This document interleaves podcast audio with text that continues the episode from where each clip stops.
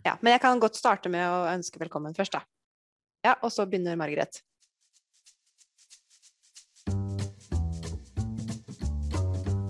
Norskpraten. En pod for oss som elsker norskfaget. Med Maja Mikkelsen og Stine Brynildsen. Denne episoden av Norskpraten har jeg gleda meg veldig til. Jeg gleder meg jo egentlig til alle episoder av Norskpraten, men den her tror jeg blir litt ekstra spesiell.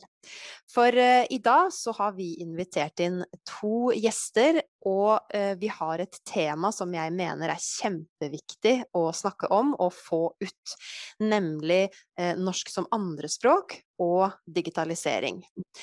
Maja er ikke med oss akkurat i dag, men vi tror at vi kommer til å få til noen skikkelig gode samtaler eh, allikevel. Og derfor så er det en stor glede å ønske Camilla Cahill og Margaret Sævarsdotter velkommen til Norskpraten. Så fint at dere kunne komme. Jo, tusen takk, det var veldig hyggelig å bli invitert. Så lurer jeg litt på, kan ikke dere bare starte med å fortelle litt om hvem dere er, da? Jo, det kan jeg. Jeg kan starte. Eh, jeg heter da Margaret Seivarsdottir. Eh, jeg er opprinnelig islending. Mm. Kom til Norge på slutten av 80-tallet. Hva skal jeg si? Jeg begynte da som student på Blindern, tok en cand.mag.-grad på 90-tallet, og så senere gikk jeg over til manuslinjen på Den norske filmskolen. Riktig. Og altså, jobbet som manusforfatter i litt over ti år. Mm -hmm. Og så etter det ble det undervisning og PPU, og da kom norsk som andrespråk inn i, inn i mitt liv. Mm -hmm. Og I fjor sommer avsluttet jeg master i pedagogikk innen kommunikasjon, design og læring. Og det er en tverrfaglig IKT-master som har bl.a. ganske stor fokus på å designe gode lærings- og brukeropplevelser med digitale verktøy. Så der også interessen for det digitale. Mm. Så, og nå jobber du nå jobber jeg som norsklærer og podkast... Ja, hva skal jeg si? Del av en podkastredaksjon. Mm -hmm. I tillegg til at jeg lager uh, undervisnings... Uh, lager uh, Jeg jobber med en utvikling av min læringsplattform også i Ling. Spennende. Og så har du med deg Camilla. Ja, hei, hei. Um, hvis jeg skal bare koble det direkte til undervisningsrelatert erfaring, så kan jeg si at jeg begynte å undervise for ca. åtte år siden. Eh, da flyttet jeg fra Italia til eh, opp i nord. Ah. Til en bitte liten plass. Så det var en ganske stor mental overgang. Jeg hadde ikke erfaring med å undervise fra før. Det var ikke det jeg jobbet med tidligere. Nei. Men så, jeg, så, jobbet jeg som frilansjournalist for en lokalavis. Og så skulle jeg da skrive en sak om, om morsmålsdagen. Eh, og så kom jeg i kontakt med voksenopplæringen, som var faktisk 50 meter fra der hvor jeg bodde. Ja. Og så undersøkte jeg og spurte om de trengte vikar, eller, for jeg syntes jo dette her var såpass interessant og fascinerende og ganske tett knyttet opp til mine egne erfaringer i Italia, da, med å være en fremmed. Ja. Um, så, så fikk, jeg, fikk, jeg, lov til å undervise i uh, først engelsk som vikar, og så etter hvert som norsklærer på spor, altså på, på nybegynnernivå, da. Eh, så bodde vi da oppe i nord i to år, og så flyttet jeg tilbake til Oslo. Og så Um, tok jeg norsk som andrespråk, og hadde en liten eureka-opplevelse, fordi jeg selv jeg er heller ikke norsk. Nei! Nei, ikke sant? Eh, faren min er irsk, og moren min er norsk. Ja. Jeg bodde jo da i Storbritannia da jeg var liten, og flyttet til Norge som elleveåring. Så Um, så jeg hadde en egentlig ganske sånn sterk opplevelse med å ta norsk som andrespråk, og liksom plutselig kjente igjen veldig mange faktorer derfra. Mm. Jeg synes det var veldig, veldig sånn, en sterk drivkraft da, til å faktisk jobbe med norsk som andrespråk. Mm. Så begynte jeg å jobbe for en um, privat uh, leverandør av tjenester til Nav, da, altså norskundervisning uh, som en undertjeneste til Nav. Uh, og jobbet da i et firma som hadde altså, Jobb norsk og altså, den type kurs. Mm i tre år. Og så eh, begynte jeg å jobbe da i Lingu for eh, ca. to år siden. Og så eh, ble, det, ble, det, åpnet seg en mulighet for å lage podkast. Og så jobber jeg nå parallelt med både undervisning og å lage podkast. Så jeg lager jo to podkast for eh, Lingu. da. Så spennende. Og det, ja, det, er veldig morsomt å høre om bakgrunnen deres, fordi at den er jo på en måte litt lik eh, min, men veldig forskjellig samtidig. fordi jeg, jeg, har jo jobba mange år som, eh, som, norsk- og engelsklærer på videregående før jeg starta på høyskolen, men har også da jobba med elever med kort botid i Norge og med norsk som andrespråk. Har jobba på voksenopplæring, men ikke med ikke med, med, folk som har norsk som andrespråk, men som da skulle ta generell studiekompetanse. Mm. Men jeg har også alltid vært eh, fascinert Jeg, jeg er jo et sånn språkmenneske, da. Selv om jeg, jeg, pleier å si til elevene mine, eller pleide da, at jeg er ganske kjedelig, fordi jeg kan egentlig bare ett språk. Jeg har egentlig bare ett språk oppe i toppen. Eh, men jeg kan jo engelsk, og jeg har jo eh, tatt tysk og fransk og er på en måte opptatt av språk. Sånn at det å lære seg språk og det å liksom ha flere språk i hodet har fascinert meg. Så jeg har også tatt norsk som andrespråk, f.eks., og syntes at det var kjempeinteressant på, på, høyskolen. Og jeg har sett hvor viktig eh, læreren er for disse elevene. Jeg har vel aldri hatt elever, eh, bortsett fra elever med kort bot i Norge, som har takka meg så inderlig for den jobben jeg har gjort, og det har gitt noen sånne sterke opplevelser, da. Mm. Og, eh, og, grunnen til at vi da, eh, eller jeg fikk lyst til å invitere dere til Norskpraten, det henger jo også sammen med den jobben jeg gjør nå på høyskolen. fordi nå har vi et stort prosjekt, jeg og en kollega, med eh, alle voksenopplæringsskolene i gamle Østfold, der vi um, um, skal ha, drive med digitalisering og eh, voksenopplæringslærerne. Da. Og da skulle jeg sette sammen et program for, å, for å, å, jobbe med de lærerne. Og da kom jeg plutselig over en fantastisk podkast som heter Unmuta. som da er deres podkast. Um, og når jeg hørte på den, så tenkte jeg ja, her er det masse viktige temaer eh, å snakke om. Og det, da fikk jeg jo også lyst til å snakke enda litt mer med dere, fordi Eh, mitt inntrykk er at jo, digitalisering i skolen er jo et stort og viktig tema, men voksenopplæring er kanskje ikke det som eh, mange først og fremst snakker om. Da. Vi er opptatt av grunnskolen, og vi er opptatt på en måte av den elevgruppa der. Så, så det er kjempe, kjempefint. Um, men før vi begynner å For jeg har jo litt lyst til å prate da om både voksenopplæring og digitalisering og podkasten deres. Men kanskje vi burde sagt litt om hva er egentlig voksenopplæring? Altså hvis noen hører på nå og ikke helt vet hva det er.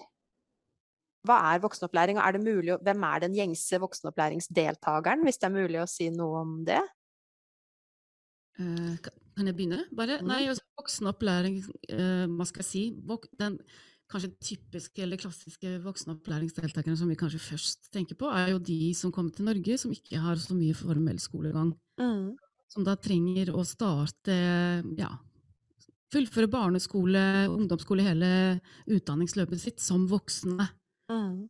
Det er jo ofte da flyktninger, altså folk som kommer fra områder med krig, hvor, hvor liksom all, all, infrastruktur har kollapset og alt Ingenting fungerer. Mm. Ja, jeg, jeg, er egentlig i grunnen, altså basert på mine erfaringer i voksenopplæringen, altså ut ifra det, så er det jo ja, det er, det er gjerne eh, spor én, spor to når det gjelder utdanning. Altså jeg må ærlig innrømme at jeg traff ikke på så mange som var på spor tre. Det er liksom ikke nødvendig å, ta eh, videreutdanning, eller altså utdanning på eh, grunnskolenivå eller videregående nivå når, mm. du, når du, er på spor tre. Mm. Eh, så det er jo eh, altså som Margaret sier, altså, de, altså, kommer fra, fra, samfunn hvor kanskje infrastrukturen ikke fungerer like godt. Mm. Eh, hvor det er eh, stor grad av kaos da, som har mm. gjort at man har måttet eh, forflytte seg fra hjemlandet til, til Norge. Da. Ja. Så det er de, ja. Ja, men det kan også være um, opplæring i bedrift. Det er mm. også en del av voksenopplæringen. Mm. Altså kompetanse pluss. Mm. Er ikke det det heter nå? Jo. Ja. Ja. ja vi, vi, vi, skal jo liksom holde på med livslang læring og utvikle oss til vi går av med pensjon. sånn at ja. Eh, vi kan liksom ikke vi kan ikke hvile på gamle laurbær, vi må liksom få noe nytt. Mm. Og så tenker jeg jo at det er vel også et, en stor spredning, da. Jo, det er mange som kommer uten skolegang, men så har man vel også da de som kommer med god og lang skolegang, men som da trenger språket, som da kanskje er arbeidsinnvandrere, eller som, som flytter pga. jobbmuligheter. Ja, de, de, de, møter, unnskyld, de møter vi på Lingu. Altså, mm. Det er stort sett den gruppen vi møter her. Mm. Så jeg tenker at det å være voksenopplærer-lærer, da, det, det, det, det, gjør jo at man må ha ganske sånn stort spenn sjøl i både eh, språkforståelse og metoder og hele pakka, fordi at du jobber med folk med veldig, antageligvis mm, veldig ulike bakgrunner. Ikke nødvendigvis i samme gruppe, kanskje. Du snakker jo om det her med spor 1 og spor 2. Det er litt sånn stammespråk for, for voksenopplæringa, har jeg skjønt etter hvert. Og A1 og, og B1 og, og, alt det der. Men altså at man har ulike språklige nivåer da, som man jobber, jobber med. Ja. Eh, og så er det også det med bedrift og det å liksom knytte språk til arbeidslivet og sånne ting er jo også noe som, som er, er, veldig viktig. Fordi eh, målet med voksenopplæring og norskopplæring sånn sett er vel å få folk ut i samfunnet og fungere. Både i samfunnet og, ja, samfunn og i, i, jobb, da, heldigvis. Eller, mulig tid også, ja. ikke sant. At, mm. at det, de skal jo ikke eh, Det er jo veldig gjerne sånn at man tenker at klasserommet er en litt sånn fiktiv boble, da. Mm. At det skjer i klasserommet, det, det, er på en måte ikke helt representativt for hvordan man uttrykker seg språklig i, arbeids, i en arbeidssituasjon, eller Det er på en måte litt eh, Det er litt sånn øvingsareale, men ikke tett knyttet opp mot eh, den virkelige, virkelige verden, da. Nei. Kan. Det er et mm. godt poeng der. Mm. Ja. Og så tenker jeg jo også i forhold til eh, digitalisering, da, så er det vel også ganske store forskjeller på deltakerne eh, i forhold til hvor, eh, hvor, digitalt kompetente de er, eller hvor vant de er til å bruke digitale verktøy. Og så er det også sikkert stor forskjell blant voksenopplærer, lærerne, sånn som det er i resten av eh, Skole-Norge, holdt jeg på å si. Mm. Men hvis vi liksom går ned mot hovedtemaet vårt nå, da, voksenopplæring og digitalisering. altså Hvorfor tenker dere at det er et viktig tema å ta opp, eh, sånn som dere gjør f.eks. i podkasten deres? Eh, jeg tenker Eller det vi begge to har jo fått utrolig med input. Vi, er, vi har jo lært veldig mye på den reisen vår, altså mm. med, med, å lage disse episodene. Og Kravet om fleksibel opplæring er jo et veldig viktig moment, eller altså, et, et viktig punkt i forhold til eh, digitalisering av voksenopplæringen. Mm. Det er jo et økt krav. at man, Camilla nevnte at man lærer ikke bare i klasserommet, du lærer også på arbeidsplassen. Og da er jo digitaliseringen en viktig del av den opplæringen. Mm. Og også dette med, som vi har jo vært inne på, med ja, f.eks. Altså språk, morsmålsstøttet opplæring. At det er jo mye te teknologi som kan bidra med veldig gode ting der. Mm. Ja, altså Hvis jeg skal si noe der, så var det jo faktisk sånn at det var jo eh, det var jo eh, gründeren Millingu som faktisk kom til oss eh, og sa at eh, nå har vi fått i oppdrag fra Kompetanse Norge å lage en podkast om, eh, ja. om dette temaet. Ehm, men eh, knaggene jeg brukte for å henge meg videre på det, var jo mine egne erfaringer eh, i, eh, som underviser. Mm. Altså underviser av spor 1 og spor 2-elever, hvor selvfølgelig det er alltid med en, en dimensjon av det digitale i klasserommet. Selv for liksom fem, seks, syv år siden så er jo det et mm. element man bruker i undervisningen. Mm. Og så var det jo det at man så at ok, dette er komplisert. Dette er vanskelig å få til. Det tar utrolig lang tid, for det er altså så mange ja, forskjellige språk man opererer med. Altså det tekniske språket, altså forståelsen. Selv om man mm. eh, kjenner til liksom, ikonene på en smarttelefon og kan trykke på de, så er det noe helt annet å jobbe med eh, å koble seg på Teams, da, for eksempel, mm. selv om det er liksom, spesifikt for akkurat det siste året. Da. Men altså åpne et Word-dokument. Altså, mm. det er så mange, det er så mange eh, mange hindringer for akkurat den gruppen, for det er, som, det er basert på sånn, ja. sånn opplagt eh, kunnskap som vi andre har, men som mm. ikke er like tilgjengelig for dem. Da. Så da tenker jeg umiddelbart at her, her, er det sikkert veldig mange lærere i voksenopplæringen som har ganske bra klump i magen og kjenner at åh, dette er tungt. Mm. Eh, så det var jo av ren nysgjerrighet og i hvert fall fra mitt ståsted, så gikk jeg og håpet på at vi skulle liksom høre fantastiske historier fra, fra pandemien, eller liksom fra den perioden, om liksom hvordan eh, dyktige lærere liksom greide å håndtere eh, nettopp eh, den overgangen med elever som har mindre utdanning. Da. Mm. Og, og, det har dere jo klart i, i, mange av episodene deres. Jeg har ikke hørt på alle, det skal, det skal, jeg si, men jeg har hørt noen, og det, det var vel kanskje særlig den første episoden jeg hørte på, der dere hadde med en, en um, somali-morsmålslærer, en som har jobba mye med å, uh, å, få i gang da, uh, somalitalene på, på Teams, blant annet. Altså, dere snakka mye om WhatsApp osv. Nå husker jeg ikke navnet hennes, det er jo sikkert dere, men Ramayama. Ja, nemlig. En helt fantastisk episode, og den fikk meg i hvert fall til å tenke på Altså, jeg tenker jo veldig ofte på eh, lærerens digitale kompetanse, den sier man jo gjerne har et sånn tosidig perspektiv. At på den mm. ene siden så må du som lærer utvikle din kompetanse. Men du skal også legge til rette for at mm. elevene eller deltakerne utvikler sin eh, kompetanse. Og når jeg hørte den episoden der, så fikk jeg en sånn tredje dimensjon, fordi at der var det snakk om det med at jo, én ting er å lære seg norsk som andrespråk sjøl for å kunne delta i samfunnet, men mange har jo barn, de har familie, de har unger som skal følges opp på skolen, og så blir det et sånn ekstra tredje skille, på en måte, da, digitalt skille, hvis man da ikke vet mm. hva Teams er. Hvis man ikke klarer å åpne det Word-dokumentet og lese ukeplanen. Og det tenkte jeg var et utrolig viktig tema eh, å ta opp. Ja, og jeg må si at Hatla Holmarsdottir, som var forskeren som vi mm. intervjuet mm. til den episoden, mm. Jeg synes at det hun sa var bare så to the point. Ja.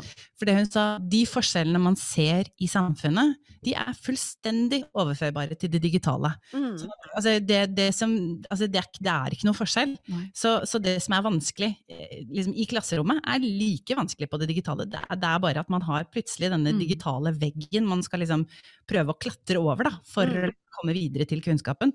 Mm. Og det er jo det er derfor jeg, jeg, jeg, tenker at det er veldig mye spennende som skjer med det digitale. Og det er veldig ja. mye, det er kjempepotensial for uh, voksenopplæringen med tanke på hvordan man kan bruke verktøy for å hjelpe, og særlig morsmålsstøttede verktøy, mm.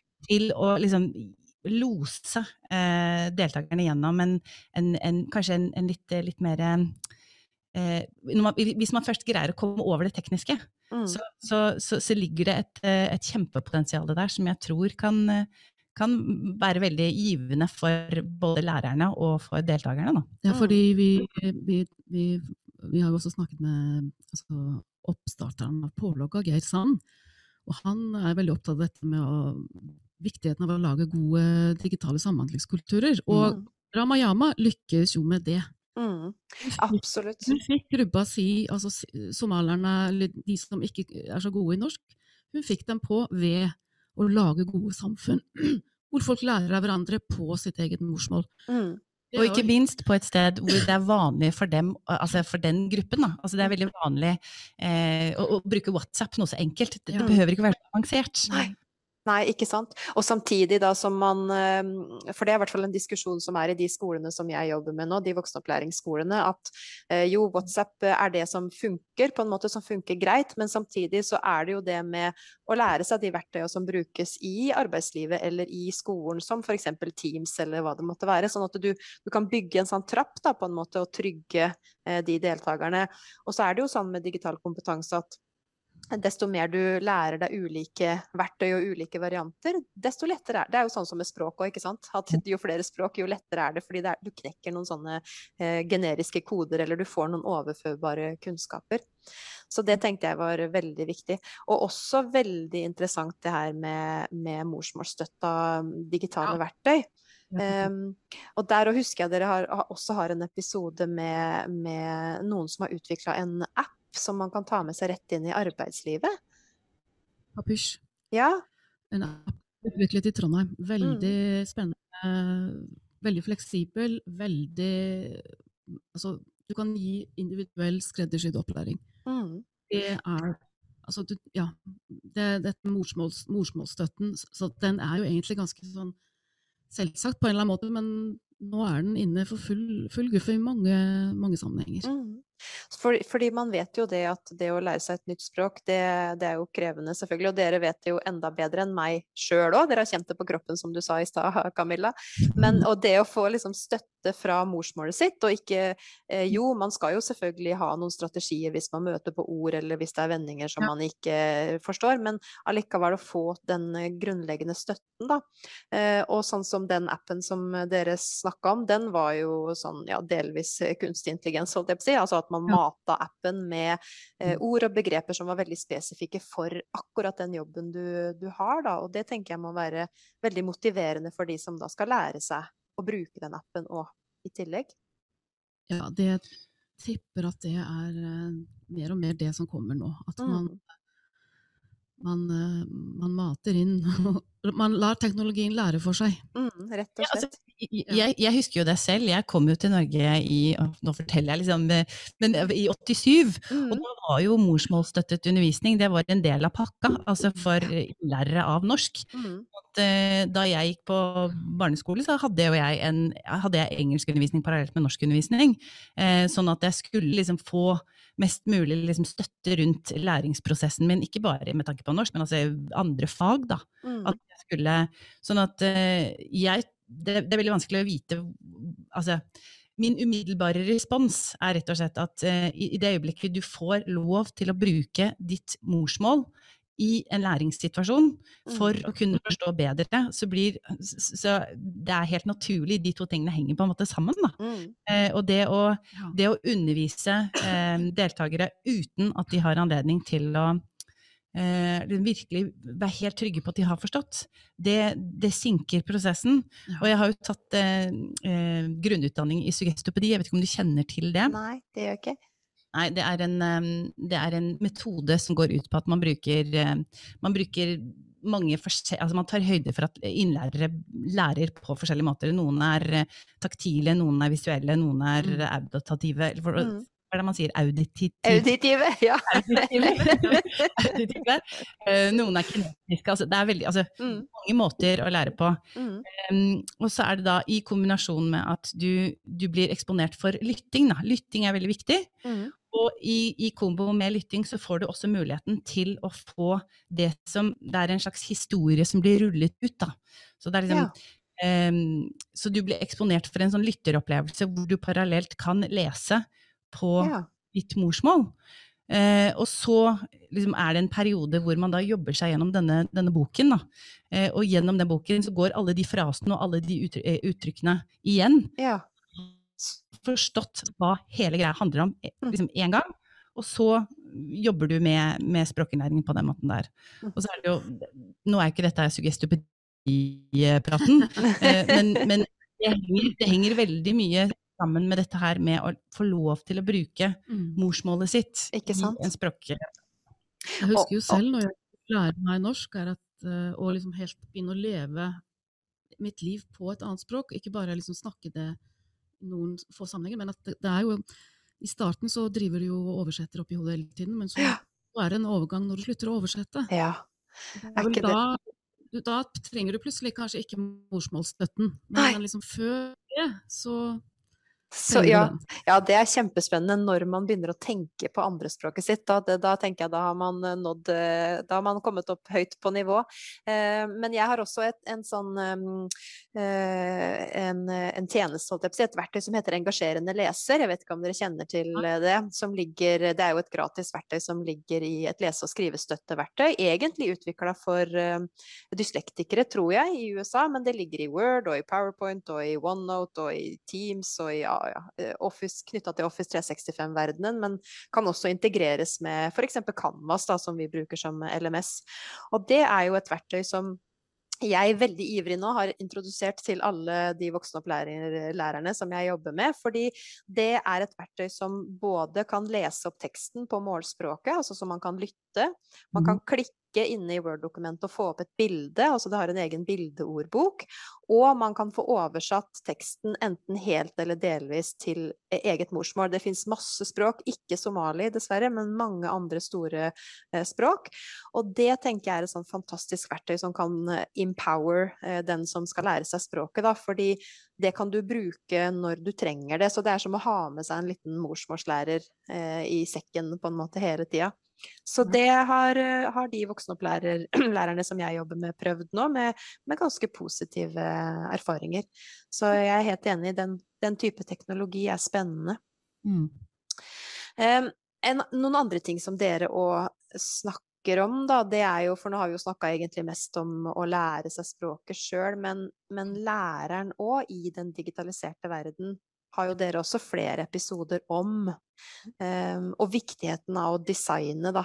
Læring, blant annet. Uh, hva tenker dere om, om, det? Altså, er det noe dere Har dere noen tanker og refleksjoner rundt, uh, rundt læreren i den digitaliserte verden? Ja, da er vel kanskje det. Altså, mm. det å kunne vurdere verktøy. At, at, man som lærer skaffer seg kompetanse på det å vurdere.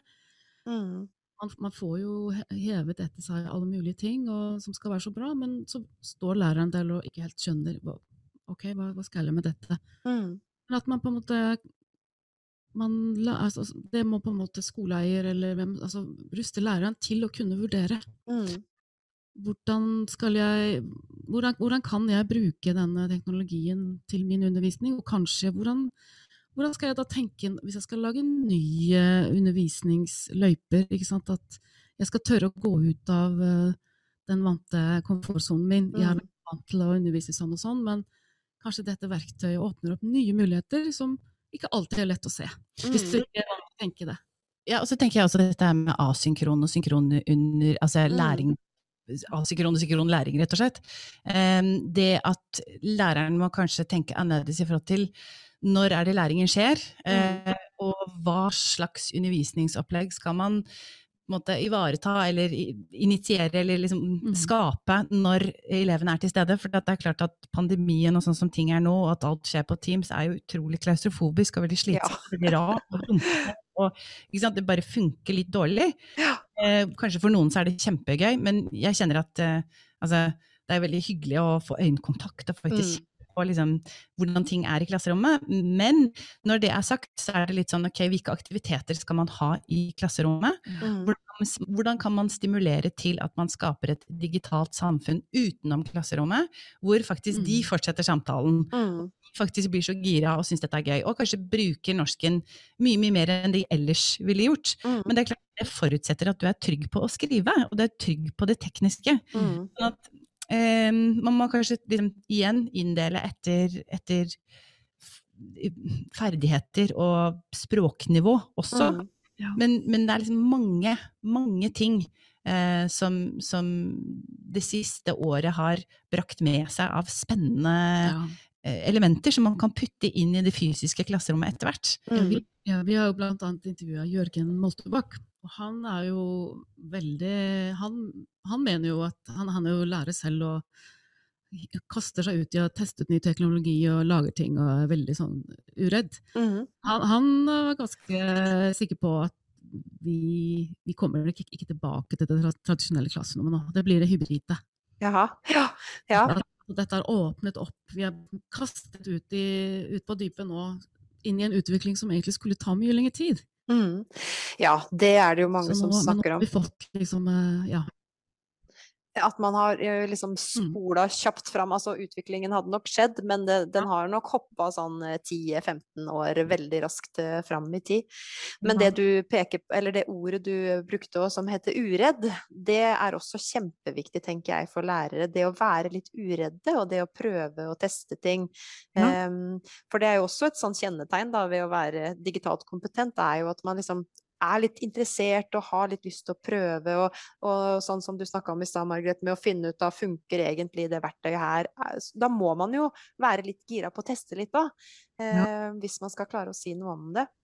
Og da tenker jeg at det er fint hvis lærerne prøver å være litt uredde sammen. Mm. Altså, ja.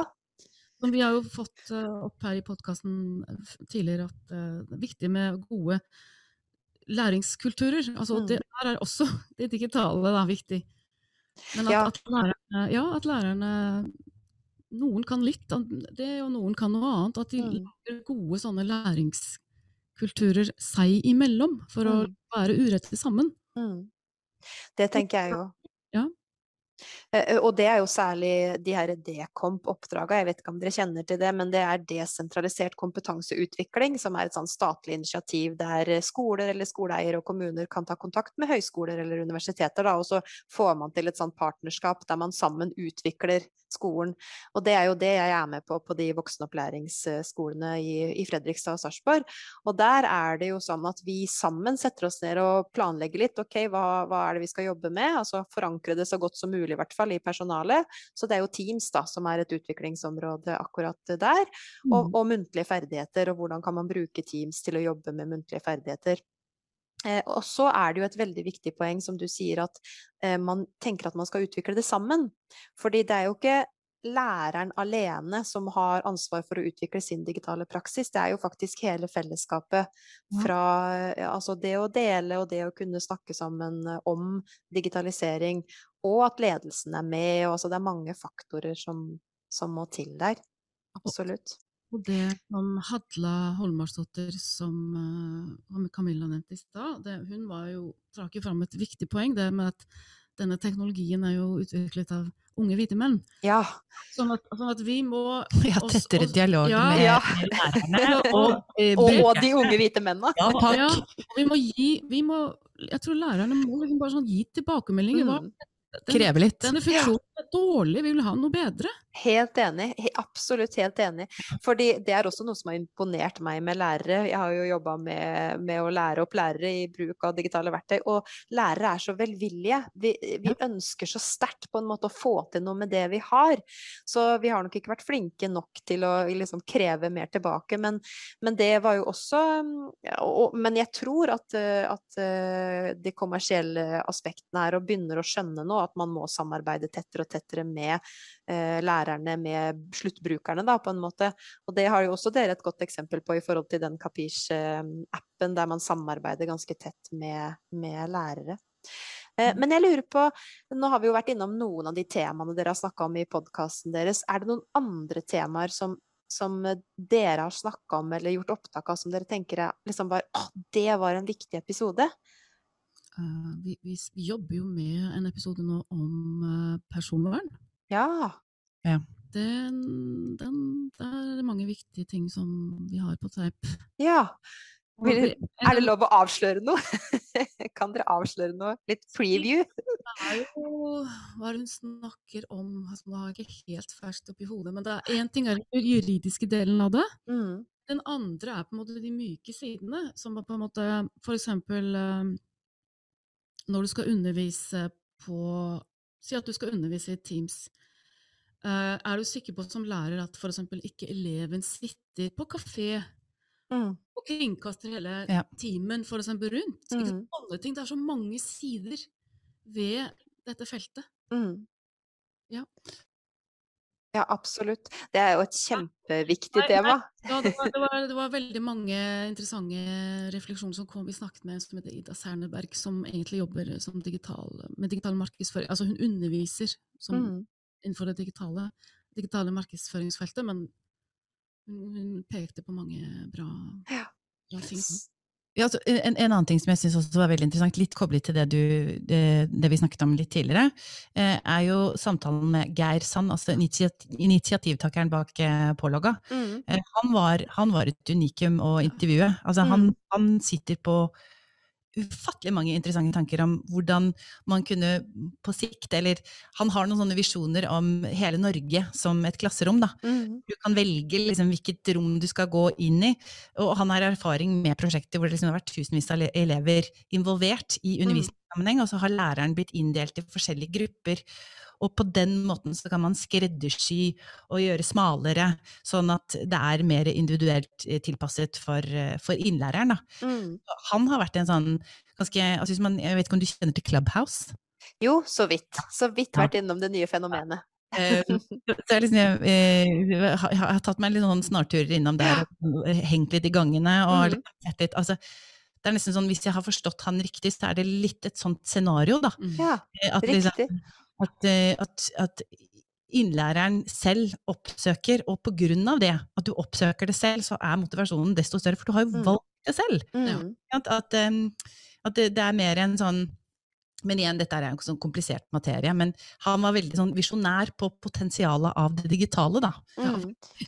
og, det, og, det, tenker jeg jo særlig for den målgruppa her, altså voksne som skal lære seg norsk som andrespråk, så vil jo det å være Det er jo en del av det å, ja, som jeg sa i stad, empower den som skal lære òg. At man kan ha ulike eh, steder man kan gå til. Men det er klart at det krever jo mye, da, som vi snakka om innledningsvis, at det er stor forskjell i både språk og i utdannelse og i digital kompetanse. Så jeg tenker jo eh, læreren blir jo kjempeviktig allikevel til å på en måte vise fram de mulighetene som fins, og trygge de som trenger det. Og, og, gi, eh, og, gi, på en måte mm, mulighet for at de skal kunne utvikle seg. Eh, Men samtidig så er læreren også prisgitt eh, skoleledelsen mm. og kommunen, også ja. de som er ansvarlige for kjøpen. Altså, mm. altså for eksempel, hvis vi skal mm. snakke om Teams da, eller en annen, altså, den type plattform om altså, ikke sant, hvor komplisert det er. Fordi at mm. man må bare enkelte ganger, eller stort sett, akseptere at mm. formatet er sånn og sånn. Ja. Men at man da kanskje bruker sin stemme for å si at ja, men dette her er kanskje mer tungrodd enn det trenger å være. Kan, mm. mm. Samtidig som vi ivaretar eh, digital tillit og det etiske, men kan, liksom, kan, vi finne andre løsninger som er lettere, som er enklere, som er mer brukervennlige? Mm. Altså, ja, ja læreren har noe å si, men samtidig så er jo læreren prisgitt uh, ja eksterne beslutninger. Absolutt. Og så står jo, og det er jo læreren som står der i klasserommet, enten det digitale eller fysiske, til slutt, og har liksom eleven og deltakeren sitt beste for øye, og som ønsker veldig Det er jo det som er målet vårt. Men som du sier, vi står vi, ikke nederst, men vi står som sånne små prikker, og så er du en del av et sånt stort uh, system, uh, selvfølgelig. Men, uh, men allikevel, altså, jeg, det høres ut som dere er ganske sånn positive positive til hva teknologien kan gjøre. Nei, ja. Man må ikke prøve å se mulighetene, men, men ikke være helt blåøyd heller. Altså, ja. Det er jo, må være kritisk. Mm. Jeg er helt enig i det. Det er kjempeviktig å være kritisk. Ja, helt enig i det. Og bruke stemmen sin, som dere, som dere, har sagt flere ganger. Både mot de her utviklerne og mot uh, ledelsen sin. Og, og, det å tørre å på en måte stoppe opp og si fra at det her funker ikke.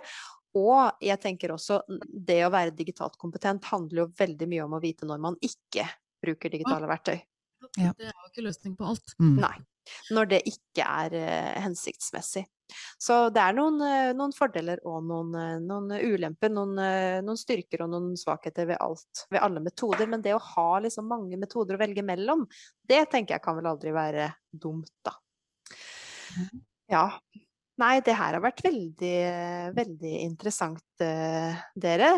Um, jeg lurer på om vi skal begynne å runde av litt, jeg. Ja. Uh, og da tenker jeg sånn Vi har jo snakka om veldig mange forskjellige ting, uh, selvfølgelig. Men har dere noen sånne gode råd å gi til slutt til voksenopplærere eller lærere da, som jobber med, med, med elever eller deltakere som skal lære seg et nytt språk? Eh, digitale tips, tenker du på? Ja, for eksempel. Eller andre. Eh... Kom det litt brått på? Eh, ja, altså, jo, altså det er jo, det er jo Hele, hele tilnærmingen til, til podkasten er jo at vi har jo vært like nysgjerrige. Altså, mm sittet med noen svar. Så vi har jo liksom sittet og gravd, gravd og gravd og gravd og gravd og prøvd å finne ut av dette her. Så hvis jeg skal si ting som jeg har satt særdeles stor pris på, som jeg har likt, ikke mm. Som altså som jeg har fått fra andre, da, som jeg kan videreformidle, så er det ja. dette med at jeg syns at uh, det å ta høyde for f.eks. At, um, at når du bruker skjerm, altså når du, når du er liksom eh, lærer på skjerm, så er det veldig greit å huske på å ha øvd i forkant. Ja. Uh, og at man har, en, man har, en, struktur, og at man tenker at fem minutter på skjerm er ikke fem minutter, det er 30 mm. minutter. Ja. Uh, tidsbegrepet blir jo litt fordreid i en sånn situasjon. Mm at um, det, det, kan være, det, kan være, veldig fint å, å, å, tenke man at man er som en slags vert. Da. Altså mm. vert. Um, det, det, var én ting som jeg satte veldig stor pris på. Planlegg godt. Ja. godt. Det, det, fikk vi jo høre i den første episoden, men det, har jeg, vi, vi, har jo begge undervist nå i ett år på nett, og det er ja. veldig hva skal, hva skal, jeg si det er, det er, fint at det er godt planlagt på nett. Hva ja. gjøre, og at det er variert. At, mm. at minst like viktig som i det vanlige klasserommet. holdt på å fysiske klasserommet. Ja, så er det én mm. ting som vi ikke har snakket om, men som vi hadde veldig lyst til å snakke om, og det var det digitale klasserommet. Mm. Ja. Eh, da kan f.eks. en ting jeg har, eller vi har valgt begge to brukt, mm. er jo noe som heter Padlet. Jeg vet ikke om ja. du kjenner det? Mm -hmm. Den norske versjonen er vel Sandtavla. Mm. Eh, og det er jo, det syns jeg har vært et fantastisk flott redskap for Absolutt. å lage et digitalt klasserom hvor rett og slett Der er det jo ufattelig mange muligheter. Der mm. kan eh, deltakerne både spille inn sine egne stemmer, mm. de kan samarbeide, eh, de kan laste opp videoer Altså det er som en slags eh, eh, altså Det er jo rett og slett et virtuelt klasserom hvor alle kan mm. bidra. bidra. Ja, ikke sant? Det strukturerer Zoom. Det, ja. det liksom lager en struktur i det kaotiske Eller Zoom, ja. Det, det mm. er mye mer sånn læreren, eller oss som lærere, og for eleven å skjønne liksom strukturen av klasserommet. Det virker veldig samlende. Ja, samlende. Mm. ja, det tror jeg jo er veldig viktig. Både det her med å organisere, strukturere, planlegge, ha en liten plan A og B. Fordi du, du har ikke muligheten til den samme sånn uh, improvisasjon da, som du kanskje har i et klasserom. Tenke på tidsperspektiv tror jeg jo er kjempeviktig. Og det å ha noen steder hvor man kan samhandle Eh, enten det er å prate sammen, eller det er å skrive sammen, eller sånn som f.eks. i, i Padlet. Da. Nei, det, det, er gode råd, eh, det som jeg absolutt Ja, kom med det! Men det er, bare, det er, ikke mine ord, så jeg, liksom, jeg, føler at jeg må bare dele dem, fordi ja. de er mine. Um, og det er Geir Sand hadde jo om å skape digitalt samfunn. Mm. Hans episode, det er episode tre. tre. Ja. Mm. Uh, han har noen knallgode tips på hvor enkelt, og mm. hvor menneskelig og hvor ukomplisert det hele er. hvis du skal, hvordan, hvordan, du kan ta vare på dine elever i en digital sfære. Da, og få dem mm. til å føle seg velkomne, føle seg godt mottatt, føle seg trygge. fordi at de samme følelsene som vi har i det fysiske rommet, er jo akkurat de samme vi har i det digitale. Det er, men bortsett fra at det er kanskje enda vanskeligere å liksom rekke opp hånden og si noe digitalt enn det er fysisk. Ja, det... Noen veldig gode tips om bare det å liksom tenke på. Ja. Absolutt. Eh, hvordan du skal se hvert enkelt individ. Mm. Eh, kjempe, kjempefint. Og vi, vi, kommer jo selvfølgelig til å legge ut lenke til, eh, til Unmuta på, på, um, bloggen vår, sånn at jeg håper jo mange har lyst til å gå inn og høre på, på de episodene som, eh, som, dere har lagd. Og nå har jo vi snakka eh, for så vidt om norsk som andrespråk og digitalisering, men det her er jo også tips og triks som alle som jobber med noen som skal lære noe, kan bruke. Men, men samtidig tenker jeg at det er veldig viktig og fint da, å kunne sette fokus på akkurat den målgruppa som dere gjør eh, i podkasten deres. Så tusen takk for at dere tok dere tid til å prate litt med oss i Norskpraten. Tusen takk for at vi takk fikk komme. Takk for invitasjonen. Norskpraten, en pod for oss som elsker norskfaget. Med Maja Mikkelsen og Stine Brynildsen.